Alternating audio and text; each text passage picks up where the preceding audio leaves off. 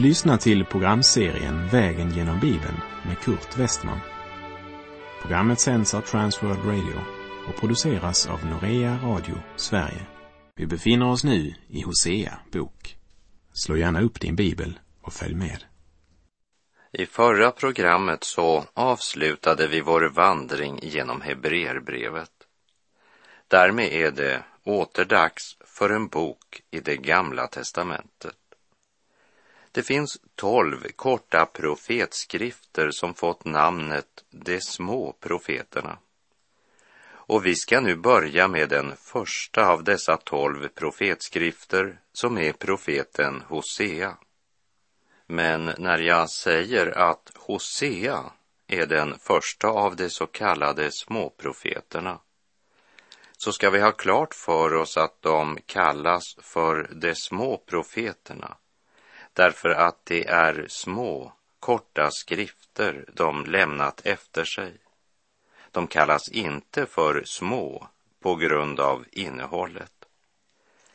Ändå så kan vi väl sätta ett litet frågetecken inför benämningen eller inför denna indelning.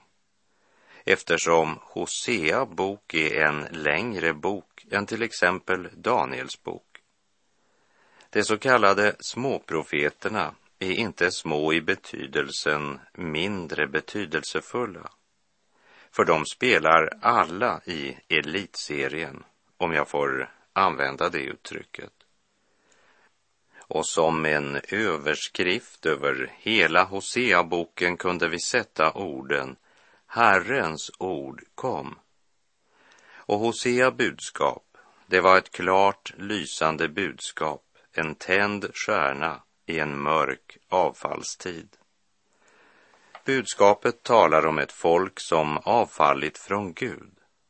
Därmed är det nödvändigt att fokusera på gärningar, goda gärningar, det vill säga konsekvensen i vardagen. På grund av detta så har både liberalteologer och sådana som förespråkar ett socialt evangelium ofta citerat de små profeterna. Tyvärr har de missat budskapet hos dessa profeter, vilket vi delvis kommer att upptäcka när vi vandrar genom profeten Hosea bok. Småprofeterna varnade för allians med ogudaktiga nationer och budskapet förkunnar att både Israel och Juda nu närmar sig det ögonblick då de måste möta konsekvensen av sitt avfall. Guds dom är nära förestående. Hosea levde och verkade alltså i den tid då riket var delat. Han var profet i Nordriket, som också kallades för Israel, medan Sydriket kallades Juda. Hosea levde och verkade lång tid tillsammans med Jesaja, Joel, Amos och Mika. Hosea var bland de äldsta av profeterna och han förkunnade sitt gudgivna budskap till ett folk och en nation som förkastat Gud och levde i synd.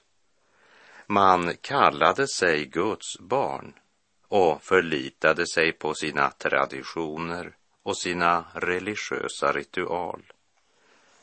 Så situationen på Hosea tid var precis som det idag är på många ställen i kristenheten.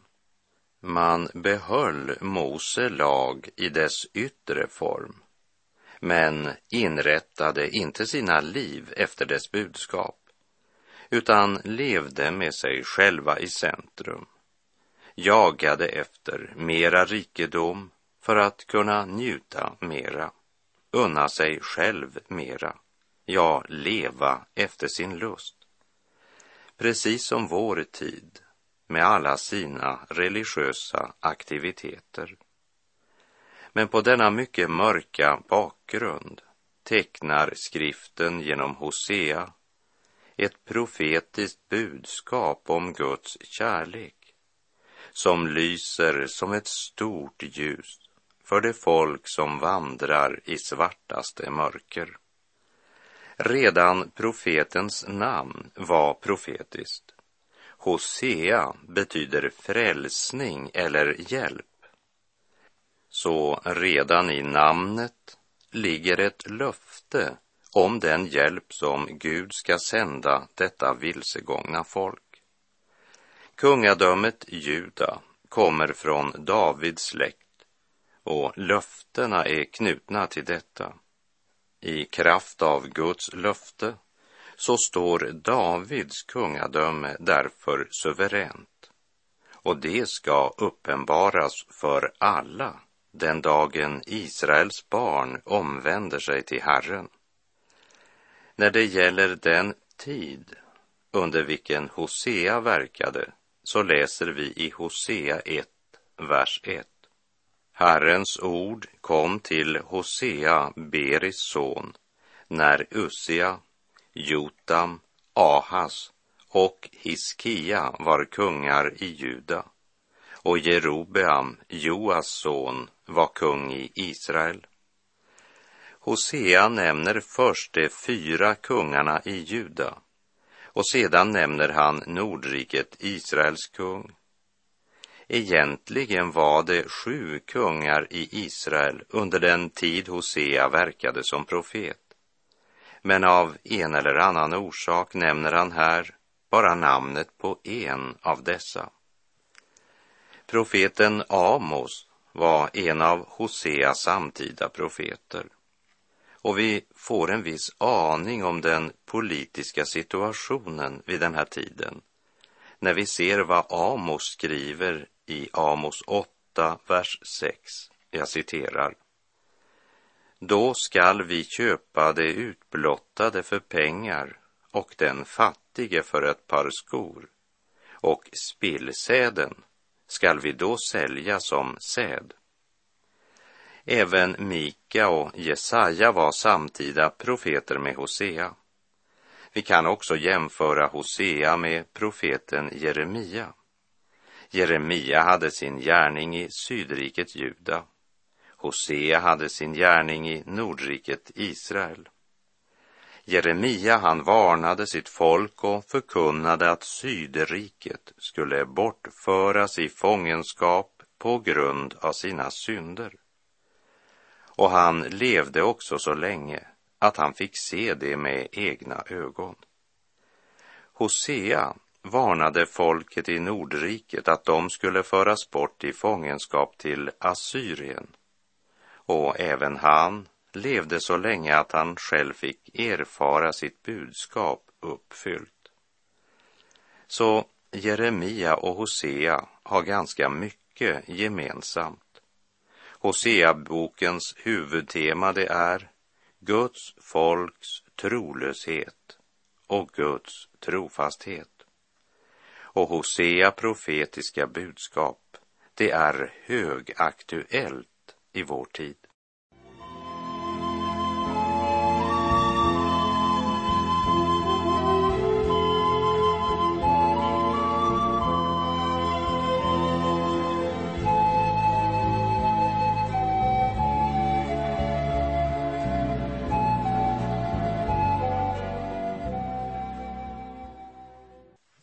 Genom Hosea bok så kommer frågan om hem och äktenskap plötsligt mycket nära.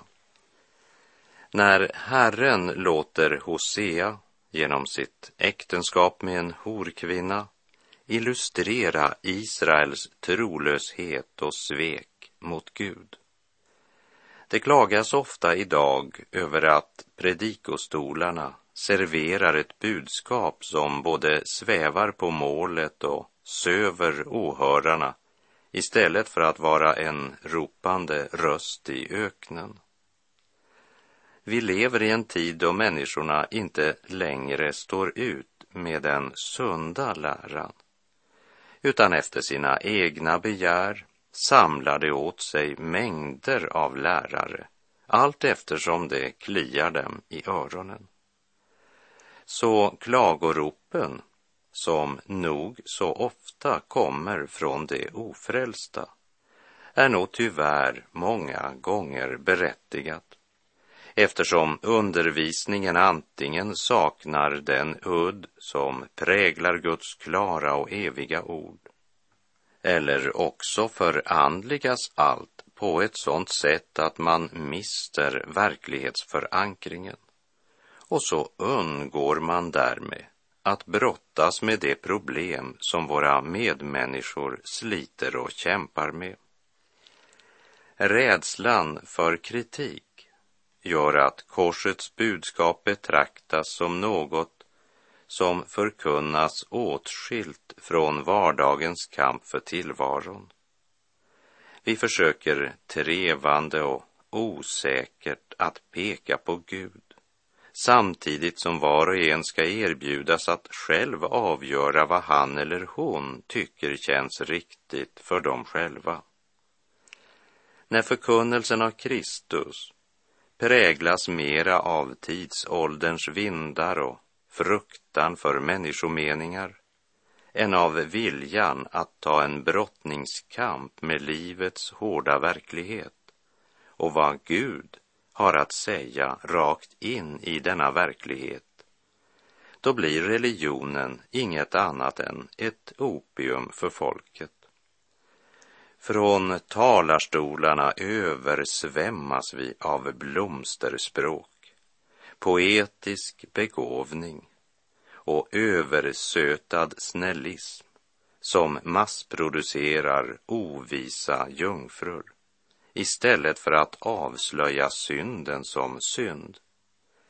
Medan dagstidningar, kvällspress, veckotidningar, tv och radio försöker avslöja vad som föregår bakom maktens fasader och avslöja livets brutala verklighet i ett försök på att få befolkningen att kavla upp skjortärmarna och ta tag i saken så har många av kyrkornas talarstolar undvikit livets kamp. Eller också för att verka aktuella lånat sina teman från massmedia men utan att kunna tillföra en gudomlig dimension. Men när vi kommer till profeten Hosea kan vi inte undgå att konfronteras bland annat med äktenskapet och förhållandena i hemmet. Hosea serverar inte någon söt liten historia för att klappa oss på axeln medan vi fortsätter att leka kristendom. Utan bakgrunden för det vi ska läsa är den tragedi som ligger i ett splittrat hem. Ett hem där öppenheten, ärligheten, troheten och värmen saknas. Bakom fasaden av ett hem är verkligheten en skriande ensamhet som är långt mera smärtsam än att bara vara ensam. Förnedringen och hopplösheten i att vara två och vara ensam. Och ut ur denna spillra som detta spruckna hem utgör kallar Gud Hosea att gå ut till folket och förkunna för nationen att Herrens hjärta håller på att brista. Och du kan lita på att Hosea visste mycket om hur Gud kände det. För han kände det på precis samma sätt själv. Hemmet, kärnfamiljen som angrips så hårt ifrån alla kanter, det är den klippa på vilken vårt samhälle vilar. Och så har det varit för alla folk och nationer. Gud har givit mänskligheten hemmet som en gåva helt från vår tidiga början. Och det är en av de viktigaste beståndsdelarna i den sociala strukturen. Som den lilla atomen är en viktig byggnadssten i det fysiska universum så är hemmet den lilla enhet som är en viktig byggnadssten i varje civiliserat samhälle. Ingen nation är starkare än de familjer som befolkar den. Var liten eller stor familj utgör en viktig länk. Det betyder inte att ensamstående kvinnor och män inte skulle vara viktiga. Men där hemmen krossas, där är nationen i upplösning. Hemmet, det är den plats där jag verkligen kan vara mig själv, har någon sagt. Man klär upp sig, både fysiskt och psykiskt, när man går ut. Hur ärliga och öppna vi än är, så får vi alla en liten ansiktslyftning innan vi går ut genom hemmets dörr. Och just därför att hemmet är så strategiskt så har Gud gett några säkerhetsnät för att beskydda hemmet och äktenskapet. Han har stakat ut några gränser och satt några murar till värn för att skydda hemmet mot allt det som önskar angripa både Gud och de ordningar som Gud instiftat och angripa människan. Gud har givit äktenskapet mer uppmärksamhet än något annat som han har instiftat här i denna värld. Det är inte samhället som har uppfunnit äktenskapet. Det är Gud som har instiftat äktenskapet. Det är en gåva som han har givit åt mänskligheten. Äktenskapet vilar på Guds direkta tilltal till människan. Jesus själv säger i Matteus 19, verserna 4 till och med 6. Har ni inte läst att skaparen från begynnelsen gjorde dem till man och kvinna och sade Därför skall en man lämna sin far och mor och hålla sig till sin hustru och de två skall vara ett kött. Så är det inte längre två utan ett kött. Vad Gud har fogat samman skall människan inte skilja åt. Och det är det alltså Jesus som säger. Om vi säger att vi tror på Jesus måste vi ju också tro det han här säger, eller hur? Gud var den som gav den första bruden till äkta. Gud är den som välsignade det första brudparet. Äktenskap, det är något mera än ett lagligt kontrakt. Det är något mera än ett ekonomiskt avtal. Ja, det är faktiskt något mera än bara ett löfte mellan två som älskar varandra.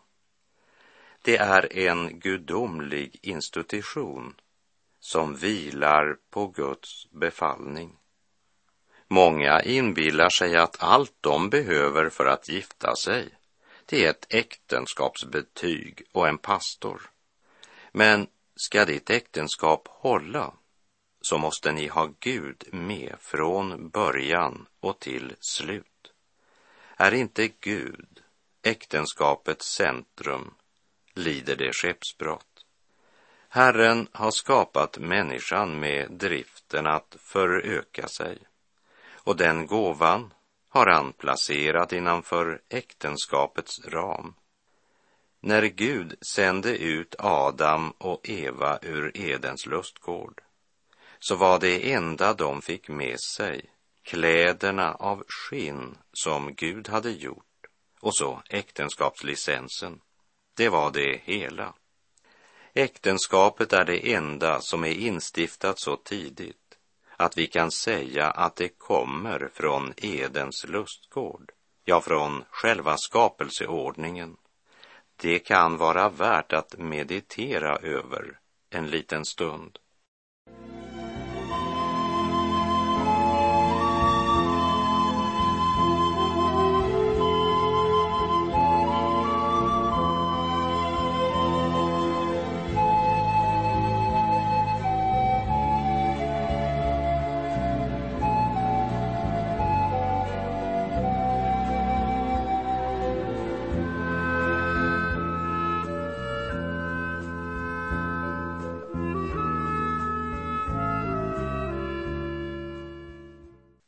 Äktenskapet är en helgad relation, en helig förening.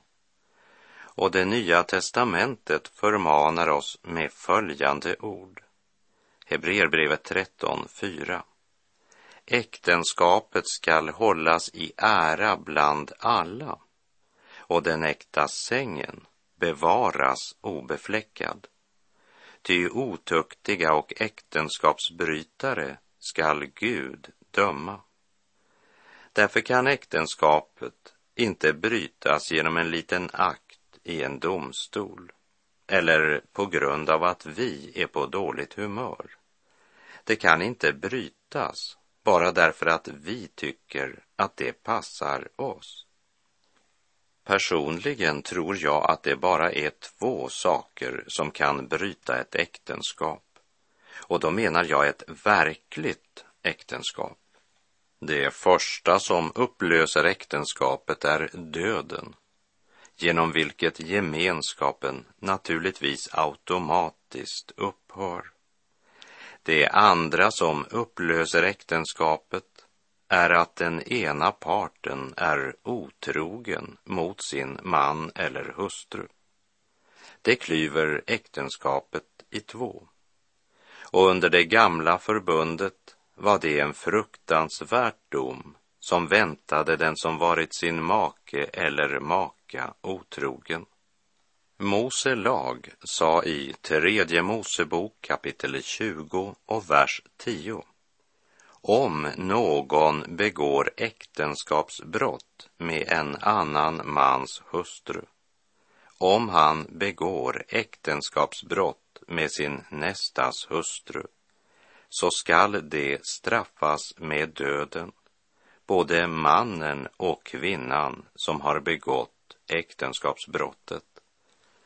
Men innan vi nu går vidare så är det något som bör sägas eftersom det finns vissa nitiska kristna som med utgångspunkt i Romarbrevet 7, vers 2 och 3 nekar en frånskild person att gifta om sig medan den förra maken eller makan lever. Romarbrevet 7, vers 2 och 3 säger så är en gift kvinna genom lagen bunden vid sin man så länge han lever. Men när mannen är död är hon fri från den lag som band henne vid mannen.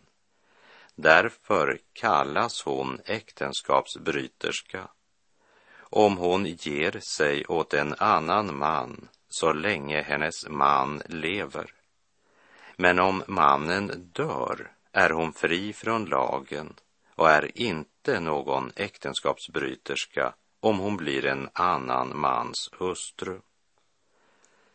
Den som oberoende av situationen nekar den frånskilde att gifta sig igen med utgångspunkt i Mose lag och i orden i Romarbrevet 7, vers 2 och 3 glömmer att den gifta person som gjorde sig skyldig till äktenskapsbrott stenades medan den oskyldiga parten hade under lagens hushållning därför ingen levande partner. Äktenskapsbrytaren var död och vilade under en stenhög. Så om den lagen hade praktiserats idag så hade vi inte kunnat komma fram med bil på grund av alla stenhögar. Den religiösa människan har ofta varit ivrigare att fördöma den som syndat än av att hjälpa människan att lämna sin synd. Tänk bara på fariseerna och de skriftlärda på Jesu tid, som vi läste om i Johannes åttonde kapitel. De som hade ertappat ett par som begick äktenskapsbrott men man kom inte släpande med både mannen och kvinnan, vilket ju lagen i tredje Mosebok 2 tydligt krävde. Fariseerna och de skriftlärda visste mycket väl vad lagen sa. De visste vad lagen sa, Men de var inte intresserade av att verkligen upprätthålla lagen. Det förstår vi när vi märker att mannen saknas. Hon var ju inte ensam om att ha syndat. De drevs inte av nitälskan för lagen, men av hat mot Jesus. Också idag så finns det många som har ett oerhört fromt yttre och som utnämnt sig själva till andliga poliser som med otrolig nidkärhet verkar vaka över lagen. Medan sanningen om dem är att de faktiskt saknar Kristi sinnelag mitt i sin stora teoretiska kunskap. Men Jesus, han vet alltid vad människorna tänker. Jesus gör klart för oss vad som fordras för att vara domare och det är något vi alla bör höra. Vi har rätt att vara domare över andra om vi fyller kravet han ställer, nämligen syndfrihet, utan synd. Jag vet inte hur det är med dig, men det diskvalificerar i alla fall mig ifrån stenkastningsbranschen. Det var nog så naturligt att de gamla gick först. De hade ju längre livserfarenhet än de yngre och kände sig själva bättre. De yngre, de blev kvar helt till deras samveten träffades av det som Jesus skrev. Och det avslöjades att de inte var domare, utan att de plötsligt själva satt på de anklagades bänk. Jesus lät dem dela plats med henne som begått äktenskapsbrott. Det tragiska med de skriftlärda och fariseerna var att de hann gå innan de fick göra upp. Nu när alla anklagare gått hade också kvinnan kunnat springa sin väg, men hon bara ligger där, medveten om sin skuld ligger hon vid Jesu fötter. Och Jesus sätter inte lagen ur spel. Men eftersom han är den som frivilligt tar emot också de stenar som denna kvinna hade förtjänat. När han tog hennes och din och min synd på sig då han dog på korset. Därför kan han säga till denna kvinna, att hennes synder är förlåtna. Och samtidigt uppmanar han henne att inte synda mer. Människans trolöshet, Guds trofasthet. Men ska den trofastheten bli vår måste vi vända om till Gud. Det är det även Hosea bok handlar om. Människans trolöshet och Guds trofasthet. Och det ska vi se närmare på i nästa program. För nu är vår tid ute för den här gången. Jag säger på återhörande. Herren vare med dig. Må hans välsignelse vila över dig. Gud är god. Du har lyssnat till programserien Vägen genom Bibeln med Kurt Westman som sänds av Transworld Radio. Programserien är producerad av Norea Radio Sverige. Om du önskar mer information om vårt radiomissionsarbete så skriv till Norea Radio Sverige, box 3419 103 68 Stockholm.